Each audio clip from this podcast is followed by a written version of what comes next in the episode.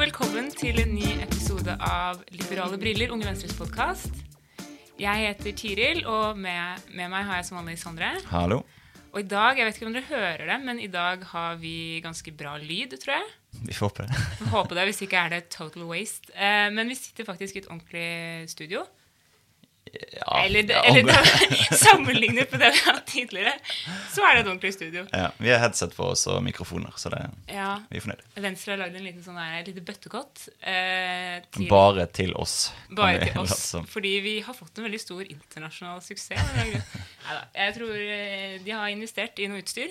Eh, og dette virker veldig lovende foreløpig. Håper at eh, lyden også er bedre. At det høres. Mm. Men hvordan går det? Det går bra. Jeg har uh, ferie. Uh, men uh, ja, ferie består jo også av å spille inn podkaster og gjøre litt forskjellige ting. I dag har jeg også hatt Dagens Næringsliv hjemme hos meg. Oi. Og de har tatt bilde av at jeg har spilt Fifa fra, fra 2014. De har ikke tatt bilde av at du har laget sånne reker og står på kjøkkenet og Nei, Her er det jeg som er på kjøkkenet. Nei, men jeg, de, de spurte meg liksom Hva har du gjort i koronatider, på en måte. Ja. Uh, og jeg sa at jeg har først og fremst funnet fram min gamle PlayStation 3 og spilt Fifa for mange år siden. Og så har jeg unngått å klemme folk. Så det kommer en sak uh, om meg uh, i D2 på lørdag om hvordan jeg hater å klemme folk, og hvordan jeg bare har spilt Fifa.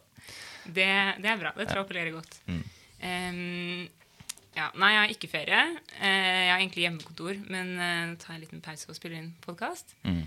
Men det går bra, det. Nå er det jo dårlig vær ute, så det passer bra. Da lyser det ikke for mye på PC-skjermen min. Det er fint. Og så har jeg vært på Vestland, da. Det kan Ja. jeg også si. Jeg har gått uh, masse fjellturer. Og Jeg var på eh, fem topper på fem dager. Uh, og gikk liksom i baris uh, helt aleine i vestlands natur. Så det var en ganske fin ferie. du fant lov... din indre Lars Bonheim. ja, ja, kanskje det er det jeg skal bli. Kanskje jeg også skal love å gå fra Hardanger til Oslo hvis jeg blir valgt inn på Stortinget fra, Oslo, nei, fra Hordaland. Det hadde vært noe. Em, nei, men uh, en annen ting som har skjedd vi kan nevne, er at Unge Venstre har lansert uh, førsteutkast til nytt politisk program for noen uker siden, tror jeg. Så jeg har, ikke, jeg har ikke lest hele det. Jeg har sett litt på de delene jeg syns er interessante. Nei, det har ikke jeg heller. Jeg har, jo, jeg har jo ikke hatt noe med dette å gjøre. på en måte. Dette er jo en eh, gjeng som har skrevet et eh, forslag til nytt program. Og så er dette bare førsteutkast. sant? Så det at nå er det mulig å komme med tilbakemeldinger og innspill. Og hvis man syns noe mangler, eller hvis man syns noe er teit, så kan man jo gå inn og gi beskjed om det.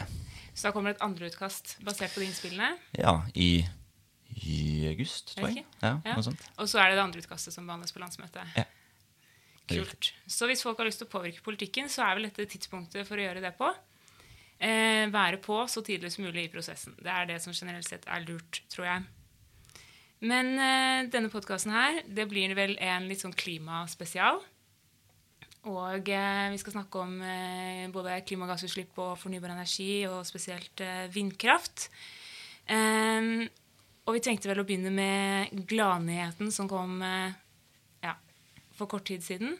Nemlig at klimagassutslippene gikk ned i 2019. Mm. Og mer enn vi trodde. Mer enn vi trodde. Sånn, det kom jo først noen tall, nå husker jeg ikke akkurat i hodet, det burde jeg sjekka før, vi- før vi kom hit. Men vi fikk noen nyheter om at utslippene gikk ned i fjor, og det var ingen overraskelse, egentlig. sant? Fordi at du har sett at bensinsalget f.eks. har stupt de siste årene fordi at du har mye salg av elbiler.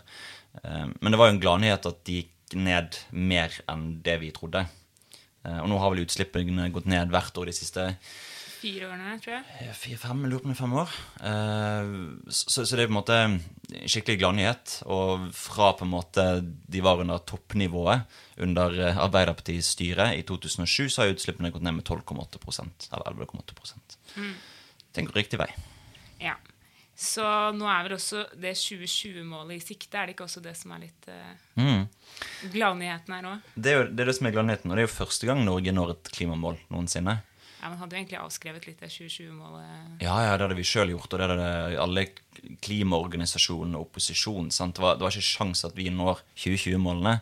Og vi, I Norge så har vi jo satt oss en del sånn klimamål opp gjennom årene. Vi har satt oss mål på sånn begrensninger på hvor mye olje vi skal ta opp fra bakken gjennom 70-, 80-, 90-tallet. Om man skulle stabilisere norske utslipp innen år 2000. Så har ikke man klart noen av de klimamålene før nå. Man når det målet vi hadde satt oss for hvor utslippene skulle være i, eh, i 2020. Og da er jo sånn Norske utslipp har vel, hvis man ser på trenden da, fra 1990, så har det vært stabilt på det nivået, litt opp, litt ned. Litt, kanskje en litt sånn oppadgående trend i starten, og så de siste fire årene eller fem årene så har de gått ned. Eh, ikke supermye, men, men eh, de har gått ned. Eh, og da er jo målene for 2030 absolutt innenfor rekkevidde. Sveinung sier at han tror de kan nås. Eh, og det skulle bare mangle, for det er han som har satt dem. Og det er vel en eh, reduksjon på 50-55 eh, Så da begynner vi å snakke utslippskutt. Virkelig. Og så er jo det den delen av klimapolitikken som vi skal gjennomføre sammen med EU. Ja. Eh, Om at vi skal kutte utslipp sammen med de, fordi at vi har dette kvotesystemet hvor du får tillatelser til å slippe ut ett tonn CO2, som gradvis skal reduseres fram til 2030 og 2050. Så det er sånn, hvis vi ikke når de klimamålene, så kommer jo EU og straffer oss. på en måte. Eh, Og det er jo det som er fordelen med å gjennomføre klimapolitikk sammen. For at mens Før så har vi bare kunnet lovet og lovet utslippskutt i det uendelige, men ingen har passet på at vi faktisk gjennomfører de. Men nå skal vi gjøre det med resten av Europa som sant, har jo redusert utslippene med 25% siden 1990, mens de norske utslippene har ligget stabilt. Vi har ikke klart å kutte. Så her har jo på en måte Norge vært sinken, men nå ser vi at utslippene begynner å gå nedover. Og når vi skal gjennomføre resten av utslippskuttene med EU, så begynner jeg å bli optimistisk. i hvert fall.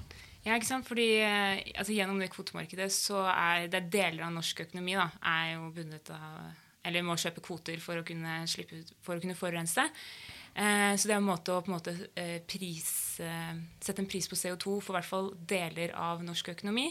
Og nå er jo kvoteprisene høye selv om man er i en økonomisk krise. Så nå ser man at de mekanismene man innførte sist For det har vært problemer med at måte, er det feil pris på kvoter, er det for lav pris på kvoter, er det for billig å forurense? Så nå ser man at prisen likevel er ganske høy fordi man innførte en del mekanismer som har gjort at prisen skal ikke falle så mye selv om det er en økonomisk krise. Og du sletter på en måte overskuddskvoter Ja. sånt, hvis det er for mange. Så nå får, man, nå får man en pris på CO2 fordi eh, den delen av økonomien. Og det er kjempeviktig. Og Det har vi snakket om før, sant? at Norge har jo både, sant, eh, både pris på CO2 gjennom å kjøpe kvoter gjennom EU, og så har vi også en norsk CO2-avgift som gjelder på en måte for eh, industrien, som gjelder for oljevirksomheten, og som gjelder for liksom, nesten alle deler av, eh, av utslippssektorene. Eh, men selv om kvoteprisen har vært for lav i EU de siste årene, og det har den jo, den har jo falt dramatisk, og nå har den begynt å ta seg opp igjen, så ville man aldri i verden hatt en pris på CO2 i hele Europa hvis det ikke var for EU. Altså, Grunnen til at eh, det koster å forurense også i Polen, Ungarn og Slovenia, er jo fordi at EU har fått gjennom dette kvotesystemet som gjør at det skal være en pris på CO2 i hele Europa. Og selv om den er lav, så er den jo åpenbart bedre enn om det ville vært helt gratis å slippe ut CO2. Ja, nei, det er jo i EU man har det eneste sånn ordentlig bindende klimasamarbeidet, hvor folk eh, blir straffa hvis de ikke gjør det, som på alle andre politiske avtaler. Eh, men eh, CO2-avgift, hvis vi kan jo si litt mer om det, det er jo et venstregjennomslag. Eh, eller i hvert fall i, i, å øker den, ja. Eh, nei, det var det Venstre oppfant i 1884. Eh, men i Granavolden-plattformen så fikk man gjennomslag for å øke CO2-avgiften, og den er blitt økt til 2020. 5% over eh, i tillegg til prisjustering, leste jeg for noen timer siden. Em, så det er jo på en måte en start, men eh, det er jo ikke alle som må betale denne CO2-avgiften. Eh, F.eks. landbruket. Mm. Så vi kan jo, jeg tenkte vi kunne snakke litt om sånn ulike deler av eh, ja, utslippskildene og, og hva man kan gjøre. Og hvis vi snakker litt om landbruket, da, de står for sånn 8% av Norges totale klimagassutslipp. Så det er jo ikke sånn forferdelig mye, men det er jo en betydelig del. Men likevel så slipper de liksom unna hele tiden. Um, og har på en måte ikke omstilt seg Mm. Eller blitt pålagt noe tiltak for å gjøre det. Mm. Og de, de er jo ikke eneste skurkene. på en måte Det har jo Norsk olje og gass er på en måte de som har sørget for at utslippene har økt mest i Norge. Men, men landbruket har ikke klart å redusere utslippene sine siden 1990. noe særlig, sant? De har vært stabile hele veien. Eh, Og det, det er jo sånn I Norge så har vi jo et prinsipp som skal være bærende om at forurenser betaler. Det tror jeg en del folk har hørt. Om at hvis du slipper ut CO2, så skal du også være med å betale den prisen det, det koster. Men landbruket har vært unntatt den avgiften, og det er de fortsatt. Altså De slipper å betale CO2-avgift på det de slipper ut. Og da har de sånn sett veldig få insentiver for å skulle kutte utslipp. Mens andre deler av norsk økonomi, f.eks. norsk olje og gass, de må jo betale en CO2-avgift i tillegg til kvoteprisen. Så det er jo bra at man øker prisen på forurensning. Det har jo Venstre fått gjennomslag for. Vi har gjort at den er likere i alle sektorer. Og dette er jo det viktigste virkemidlet du har egentlig for grønn omstilling. At du skal gi bedrifter insentiver til å satse på nullutslippsteknologi, og at det skal kjennes på bunnlinjen, på en måte, at hvis du forurenser mye, så taper du også økonomisk på det. Nei, ikke sant? Det må man jo gjøre med en kombinasjon av virkemidler, både gulrot og pisk. Det brukes jo masse penger på subsidier av grønn teknologi og, og sånne ting. Og det er veldig bra.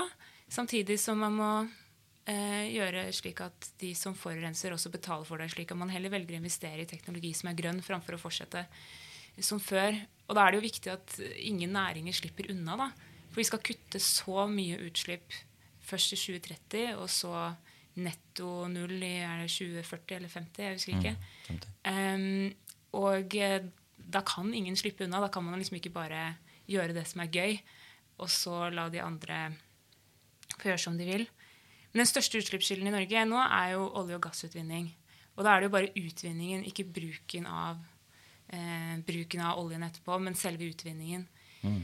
Og det er jo egentlig Det har vært sånn siden 2007. Eh, da den gikk forbi industrien.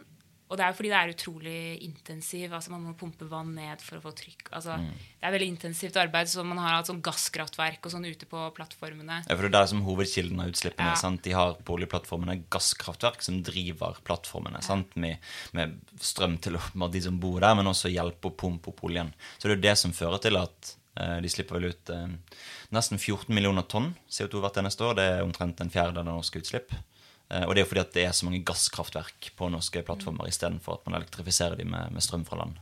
Ja, ikke sant? Det er derfor man må elektrifisere dem. Da har man jo da har man kommet ganske langt. Um, og ellers er det det man peker på nå, da, som grunnen til at man uh, får en nedgang i klimagassutslippene i 2019, er veitrafikk. Uh, der man har klart å ja, få til mindre bruk av bensin og diesel fordi folk bruker mer elbil og ja, først og fremst elbil. Eh, og det er jo kjempebra. Eh, veitrafikk er jo Nasjonalt så er det en av de større utslippskildene, men det er jo noe sånn jeg vil anbefale folk å se på lokalt. fordi lokalt er ofte veitrafikk veldig høy utslippskilde. Eh, I hvert fall i bykom, eller i hvert fall i, sånn som i Bærum, f.eks. 80% av utslippene kom fra veitrafikk. Det er helt vilt. Og det er ikke fordi Fordi at i Bærum så har ikke man sett industri. Nei, ikke sant? det er ikke så mye plattformer der heller. Men liksom sånn, og det er ikke fordi folk kjører på liksom de store motorveiene. Det er småkjøring til butikken og til trening og sånne ting. Mm. Så det er, det er eh, noe man kan se på lokalt. absolutt. Altså i veitrafikken det man egentlig har sånn lykkes mest med å redusere. Sant? Fordi at eh, man har jo feilet med gassnæringen, eller olje- og gassnæringen. For de har jo fått sånt nye letearealer, de har fått subsidier gjennom ganske mange år, og utslippene har økt ganske mye siden 1990-tallet. Mens eh, når det kommer til eh, veitrafikk og privatbilisme, så begynner ting å gå i riktig retning. Så halvparten av nybilsalget er elbiler. Nå ruller det vel rundt eh, 200 000 elbiler på, på norske veier. men har blant inn mer avansert biodrivstoff i, eh, i bensinsalget. Og man ser at eh, bensinsalget faktisk stuper, altså man selger mindre bensin. Så, så der har man jo lykkes på mange måter, og det er jo det som har drevet fram egentlig utslippskuttene i Norge de siste årene. Eh, og det er kjempeviktig. altså Veitrafikken må ned hvis vi skal nå klimamålene våre. Men olje- og gassektoren sant, må man aldri glemme. Og det er jo det jeg syns ofte politikere, spesielt fra sånn Høyre og Fremskrittspartiet og Ap, gjør, at eh, de tør aldri ta i den næringen som tross alt er kilden til de største utslippene, nemlig oljenæringen, og si liksom hva skal man gjøre for å få bukt med, med utslippene der. Ja. ja, for elbilsubsidier er ikke noe vanskelig. Det er veldig hyggelig politikk. Det er jo nå den, ja, den vanskelige jobben begynner. Å dra fram pisken. Og, og begynne å tørre å ta tak i de virkelige utslipps, eh, utslippskildene og, og, og straffe litt også. Men eh, tror du vi når 2030-målene, Sondre? Ja, Vi må nå 2030-målene, ellers så kommer jo EU og straffer oss. Så det er som, Godt poeng. men det spørs jo hvordan man når det. sant? Fordi at um, vi eh, eh, har på en måte to deler av Vi har på en måte to avtaler med EU. da. Sammen så skal vi jo kutte eh, omtrent halvparten av utslippene eh, i både kvotepliktig og ikke-kvotepliktig sektor. Og kvotepliktig sektor, industri, så typisk olje og gass, eh, er jo noe som vi må kjøpe og selge kvoter av. Og det kvotetaket kommer til å reduseres hvert år. Så da vet vi at utslippene kommer til å gå ned nok i Europa. Så det andre spørsmålet hva gjør vi med den andre delen, på en måte, det som ikke er kvotepliktig? Det er veitrafikk og, og jordbruk, f.eks der har vi ikke de samme mekanismene for å straffe og samarbeide. på en måte. Hvert land har fått en sånn byrde de skal kutte, eller en andel de skal kutte. Eh, Men jeg håper jo at Norge klarer å kutte nok her hjemme også. og at vi ikke bare kjøper oss ut av utslippskutt i utlandet. For selv om det viktigste er jo selvfølgelig internasjonalt samarbeid for å løse disse utfordringene, men hvis Norge skal være en Eh, ha en grønn økonomi som vi kan leve av i framtiden, være konkurransedyktig i en stadig grønnere verden og utvikle nye arbeidsplasser, så holder det ikke å bare outsource alle utslippskutt til land hvor det er billig å kutte. Norge har jo et ekstremt gode forhold på å satse på grønn, fornybar teknologi og nye arbeidsplasser. Og hvis vi liksom ikke griper den muligheten nå, så kommer vi dårlig ut av dette her til slutt. Ja, ikke sant? Vi kutter jo ikke utslippene bare for resten av verden. Det er jo litt vår egen del også. Å omstille økonomien og næringslivet til uh, det som er fremtiden. Um, men uh, ja, for det er sånn du sier, det er som landbruk og veitrafikk utenfor kvotepliktig sektor. At der må vi på en måte virkelig levere på hjemmebane. Hvordan ser du for deg en rød-grønn regjering uh, slite med det etter uh, Nei, det blir ikke noe kutt i landbruket. for å si det sånn. Det blir... og landbruksunntak og Nei, så dette har jo nå, nå, viser man jo at denne politikken gir faktisk resultater. da, sant? Utslippene går ned, laveste på 27 år, langt lavere enn toppunktet under Arbeiderpartiet. Det har blitt dyrere å forurense. Ingen finansminister har økt bensin- og dieselavgiften så mye som Siv Jensen har gjort. Det har åpenbart vært viktig for Venstre at det skal eh, få økonomiske konsekvenser å forurense, og at det skal lønne seg å velge klimavennlig. Og det har fungert. Og så ser vi samtidig at eh, nå gikk Jonas Gahr Støre ut i avisen nylig og sa at eh, nei, vi må se litt på det der forurenser betaler-prinsippet at det er ikke sikkert at det er så lurt framover. Og da slår han egentlig beina under det som er på en måte den viktigste politikken for å nå klimakrisen. Nemlig at du har økonomiske insentiver for å velge grønt. At du skal senke skatten på arbeid og verdiskapning, og at du skal øke den på det som forurenser. Det er det vi har gjort de siste årene. Han senket selskapsskatten, senket inntektsskatten, samtidig som vi har økt CO2-prisen. Det er jo det som er nøkkelen for å få folk til å velge grønt. Og så ser man at Arbeiderpartiet nå slår beina under prinsippet. Senterpartiet går jo til valg på billigere eh, bensin- og dieselavgifter. Arbeiderpartiet har jo for øvrig programfestet at vi vil ha billigere bensin i distriktene. Så, så, så, den retningen på en måte er jo helt motsatt av det vi må gjøre nå, og det som vi har stått for. Og når de skal samarbeide nå med SV SV lanserte nylig sine krav for å gå inn i regjering. Ikke ett av de handler om klima. Så rundt det bordet så vil det sitte tre partier som eh, altså, Jeg vet at SV har mye bra klimapolitikk, men hvis det ikke skal være en prioritet for de i møte med Senterpartiet og Arbeiderpartiet, så er jeg ganske pessimistisk på eh, en slik regjeringsvegne. Ja, og hvis, eh, hvis, det blir Arbeiderpartiet og Senterpartiet og Senterpartiet ønsker seg, De sier jo konsekvent vi skal ha en regjering bestående av Arbeiderpartiet og Senterpartiet. Det, mm. det er vår plan og ikke ha med SV engang, som uh, uansett hva de måtte prioritere, så kan det bli ganske trist for klima, for uh, uh, kuttene Eller ja, den, for, for, veitrafikk, landbruk og ikke minst rovdyr. så nei, vi får håpe at valget neste år dreier seg om klima, at det blir en av sakene, slik at man virkelig får stilt disse partiene til ansvar mm. og vist velgerne våre at man må faktisk stemme Venstre og på en borgerlig regjering hvis man skal ha, hvis man skal ha videre utslippskutt og omstilling. Og så sant, Støre har jo sagt at han skal ikke samarbeide med Miljøpartiet De Grønne. Han skal ikke samarbeide med Rødt. Det er åpenbart at de har eh, fått et sterkere interessefellesskap med Senterpartiet. Og de går sammen i stadig flere saker. For så har de gjort det lettere å skyte rovdyr i Norge. Det er jo en sak som de fant sammen på i Stortinget nylig. Så det er jo en ganske skummel allianse, og spesielt når Arbeiderpartiet driver og løper etter Senterpartiet, som har en nestleder som kaller det grønne skiftet for særinteresser. Som, altså, måten Jonas Gahr Støre altså, liksom, la seg på rygg for oljenæringen i disse forhandlingene om oljepakken på Stortinget, viser i hvert fall meg at gresset er ikke så mye grønnere på den andre siden. Uh, og jeg håper jo jeg går til valg på et sterkere Venstre, et sterkere uh, grønt flertall på Stortinget, men løsningen på det ligger på ingen måte på venstresiden akkurat nå. La, la, det være siste ord i debatten om klimagassutslipp. Eh, skal vi snakke litt om vindmøller også. Eh, det har jo egentlig vært aktuelt nå det siste året, kanskje. Eh, ja. Hvor det har vært mye bråk, mye dårlig stemning. Eh, jeg så du skrev et innlegg i BT for ikke så lenge siden, Sondre, men jeg har ikke tilgang til BT pluss. Så da spør jeg om hva du skrev om der. Eh, kort oppsummert det bygges ut rekordmye vindmøller i Norge. Og det er bra. Akkurat nå, ja. ja sant? Eh, nå husker jeg ikke akkurat de tallene heller, men i løpet av tre år så kommer man til å doble antall vindkraftverk på land i Norge. Eh, Framover mot 2030 så skal man vel tidoble liksom, energiproduksjonen fra fornybar. Eh, det er på en måte, og det mener jeg er en heldig utvikling. Eh, og selv om det siste året har sett store demonstrasjoner mot eh, vindmøller, så må vi ikke glemme at det er et flertall i befolkningen som er positivt til å bygge ut mer fornybar energi. Og vi trenger fornybar energi for å løse klimakrisen. Eh, alle har jo fått med seg at eh, det norske kraftsystemet er nesten 100 fornybart. Sant? For vi har, eh, vi har, vannkraft, som vi bygget ut eh, også til store protester for noen tiår siden. Men det er kun halvparten av energiforbruket i Norge som er elektrisk. Så er det med bilkjøring og Bil, fly oppvarming av bygg og sånn, kanskje? Ja, noen? Skal, Man skal fase ut oljefyring, f.eks., så det vil jo på en måte eh, hjelpe. Men, men ja, sant? Det, det bensin du putter på tanken, og gasskraftverkene på oljeplattformer. Eh, så, så, vi har egentlig kun 50 eh, fornybar kraftforbruk i Norge. Og hvis vi skal ta de andre 50% så må du bygge ut mer fornybar energi. Norge kommer til å ha et kraftoverskudd i framtiden. Det vil si at vi på en måte produserer mer enn vi, vi bruker. Eh, men, men, forutsetningen for det er at vi faktisk har et utbyggingstempo på fornybar energi. Og vi trenger, eh, For å elektrifisere Norge så trenger vi minst 40 TWh med fornybar energi.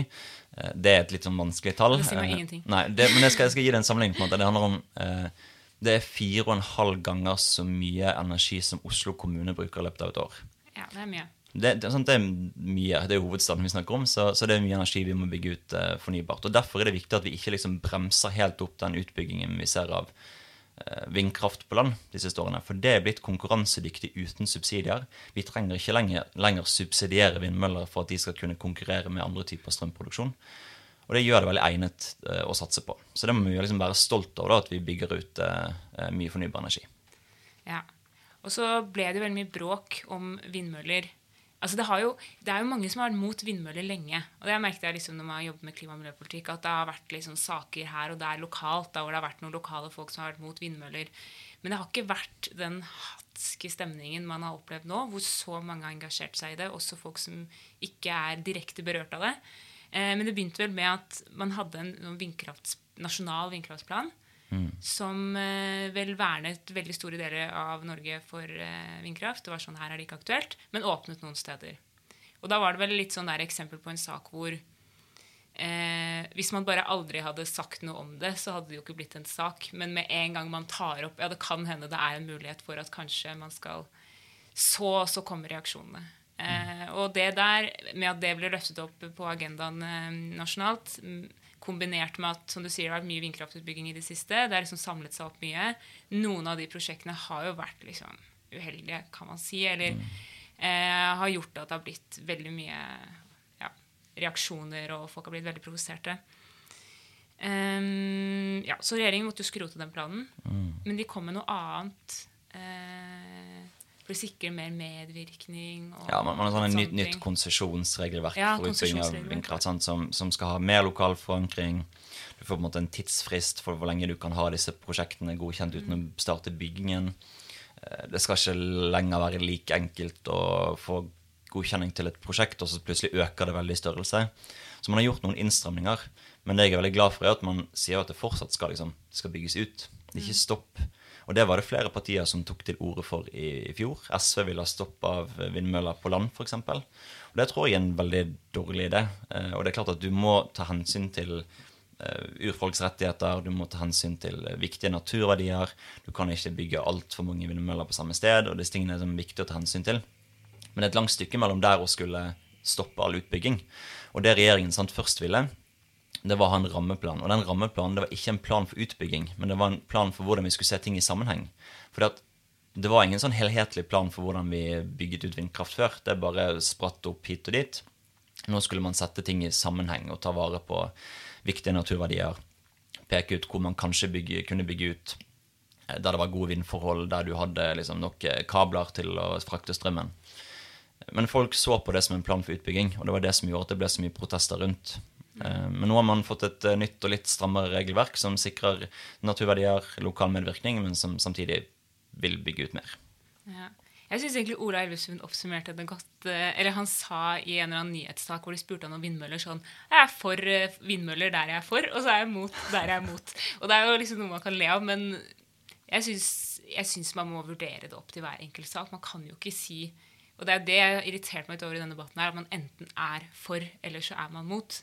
Men det er jo som i alle andre saker hvor man skal gjøre et eller annet med naturen eller med arealer og sånn, at kan være for det her, og så kan jeg være mot det der. Jeg kan være for å bygge 19 etasjer her og mot å bygge det der. Mm. for å verne dette området, mot å verne dette området. Det, det er opp til hvert enkelt sted. Um, men eh, dessverre så er den debatten blitt eh, helt eh, ja, tatt over av litt ekstreme standpunkter, syns jeg. Men eh, det er bra regjeringen fortsetter fortsetter retorikken å var jo litt skarp. sant? Det er jo eh, flere som på en måte sier at vindkraftdebatten må vinnes med skarp ammunisjon. Det var At uh, dette blir sammenlignet med den tyske okkupasjonen av Norge. eh, Vet alltid du har en god sak når du begynner å sammenligne det med 1940. Ja, jeg synes liksom En del av debatten i den vindkraftsaken har ikke vært eh, bra. Og så, vi hører jo ofte sånn Ja, vil du at eh, vindmøller eh, Noen sendte meg bilde sånn Vil du at vindmøller foran NHO sitt kontor? sånn, ja, ja, kjør på. Frognerparken. ja, ikke sant? Eh, Men, nei, men jeg skjønner at sant, det, det er på en måte en måte fint å se at folk syns det er viktig å ta vare på naturen sin. Det er jo kjempepositivt. Men det må ikke bli en sånn not in my backyard-sak hvor man er for dette bare så lenge man ikke ser det. på en måte. Og det å kalle liksom vindkraft for sånn voldtekt av norsk natur, det, jeg vet ikke om det er der debatten bør ligge. på en måte. Man kan ha litt Nei, mer nøktern debatt enn å snakke på den måten. Nei, ikke sant? Og så blir det sånn der umulig å være Altså Da blir det jo vanskelig altså For meg så hadde det vært vanskelig å være mot et prosjekt hvis jeg faktisk var mot et prosjekt, når det er, man blir assosiert med sånne krefter. Eller omvendt at hvis du prøver å ta til orde for det, så blir du helt eh, Ja. Da blir du møtt med sånne type argumenter. Eh, det er jo veldig fint som du sier, å se at folk er opptatt av norsk natur. Uh, og der er det jo sterke krefter i Norge. Må huske, det er mange medlemmer av Turistforeningen. og sånne ting. Folk er veldig glad i å gå på tur i fjellet og, og sånne ting. Men det er jo ingen i Norge som er for å bygge i, liksom, i vernede steder eller på en måte Det er jo ingen som har tatt til orde for det, og det irriterer meg at motdebattantene oppfører seg som om det er akkurat der man skal bygge vindmøller. Um, ja. Nei, men eh, bra at regjeringen ikke har stoppet helt opp og sagt at eh, vi skal ikke bygge noe mer, men at man, eh, man ser på det og heller gir bedre liksom, ja, påvirkningsmuligheter og gode forankringsprosesser og sånne ting. Mm. Og så må man jo bare se at i sammenheng med også Vi har vært innom kraftkabler før. Eh, om at vi er jo positive til eh, kraftkabler til utlandet fordi at vi på en måte må være med i den felles europeiske dugnaden for å kutte utslipp. Og vi har gode forutsetninger for å bygge ut fornybar energi. Den kan ikke vi sitte på alene. Og spesielt sant, hvis vi ender opp i en situasjon hvor vi har mer strøm enn det vi bruker, eh, så må den kraften gå et sted. Da er det viktig at vi bygger kabler til utlandet eh, som sørger for at eh, ja, Storbritannia, Skottland, andre deler av Europa kan gjøre den omstillingen som, som vi har gjort. da, Og sørge for at kraftsystemet er fornybart. At man tør å erstatte kull med vannkraft og vindkraft, og at man har et sånn felles europeisk sikkerhetsnett. da, Hvis det ikke blåser i Storbritannia, så blåser det kanskje i Norge. Og da kan vi mer, være med å dele strømmen vår og sørge for at man kutter utslipp i Europa. Og hvis vi skal kunne dele strømmen vår, så må vi også produsere nok strøm. Ja, ikke minst å tjene penger på norsk eh, strøm. Vi, har negative, vi hadde negative strømpriser på et tidspunkt i Norge for ikke så lenge siden. Um, det blir som å helle strøm ut i do, liksom. Det er mye bedre å eksportere det til Europa, tjene penger på det, og bidra til at man kan legge ned kullkraftverk i Europa litt raskere.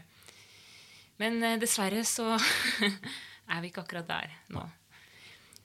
Men eh, Vi er kanskje ferdig med klimadelen, men eh, helt til slutt så har jeg egentlig bare lyst til å anbefale noe greier. Jeg vet ikke om du har forberedt noe, Sondre? Noe du anbefaler? Nei, men jeg kan finne på noe. Du kan finne på begynne, noe. ja.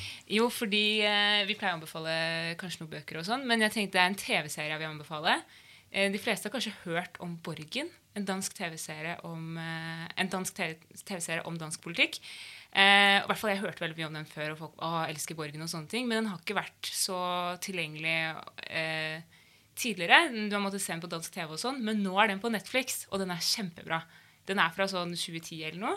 Den handler om hva ville skjedd hvis altså en, ja, Det er en sånn valgsituasjon hvor plutselig hun som er leder for radikale Venstre i Danmark, altså som Venstre i Norge, bli statsminister. Eh, og den er kjempekul. Og hun hovedpersonen er basert på Margrethe Vestager, som var leder i Radikale Venstre før, som nå er EU-kommissær.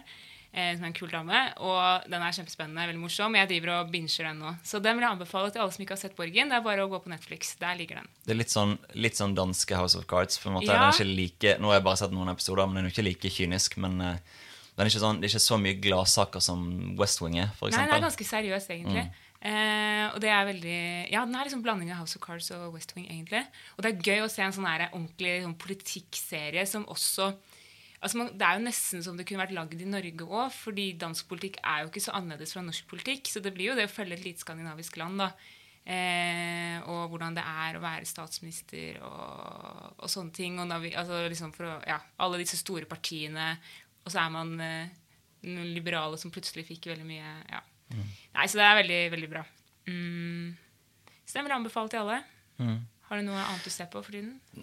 Nei, noe av det den jeg ser på. Men jeg kan jo anbefale den boken jeg leser, da. Som Ja. ikke har noe med politikk å gjøre, egentlig. Men eh, det er sikkert en bok som veldig mange har hørt om. Den heter The Grapes of Wrath av eh, John Steinbeck, en amerikansk modernist som skrev den boken på rundt eh, seint 30-tallet, var det vel, om på en måte moderniseringen av det amerikanske samfunnet.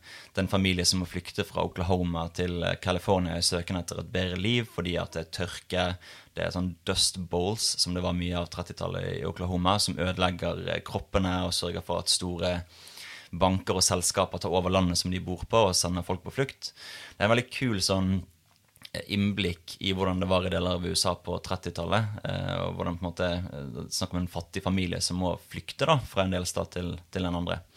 Eh, amer- amer- amerikanske modernister skriver eh, bra. John Steinbeck er en fantastisk flink forfatter, så den uh, syns jeg folk burde ta en titt på. Ja, så bra. Da var det to eh, skjønnlitterære anbefalinger eh, helt på tampen. Eh, og da kan vi vel takke for oss her i studio igjen. Det går. Eh, Ha det bra. Ha det godt.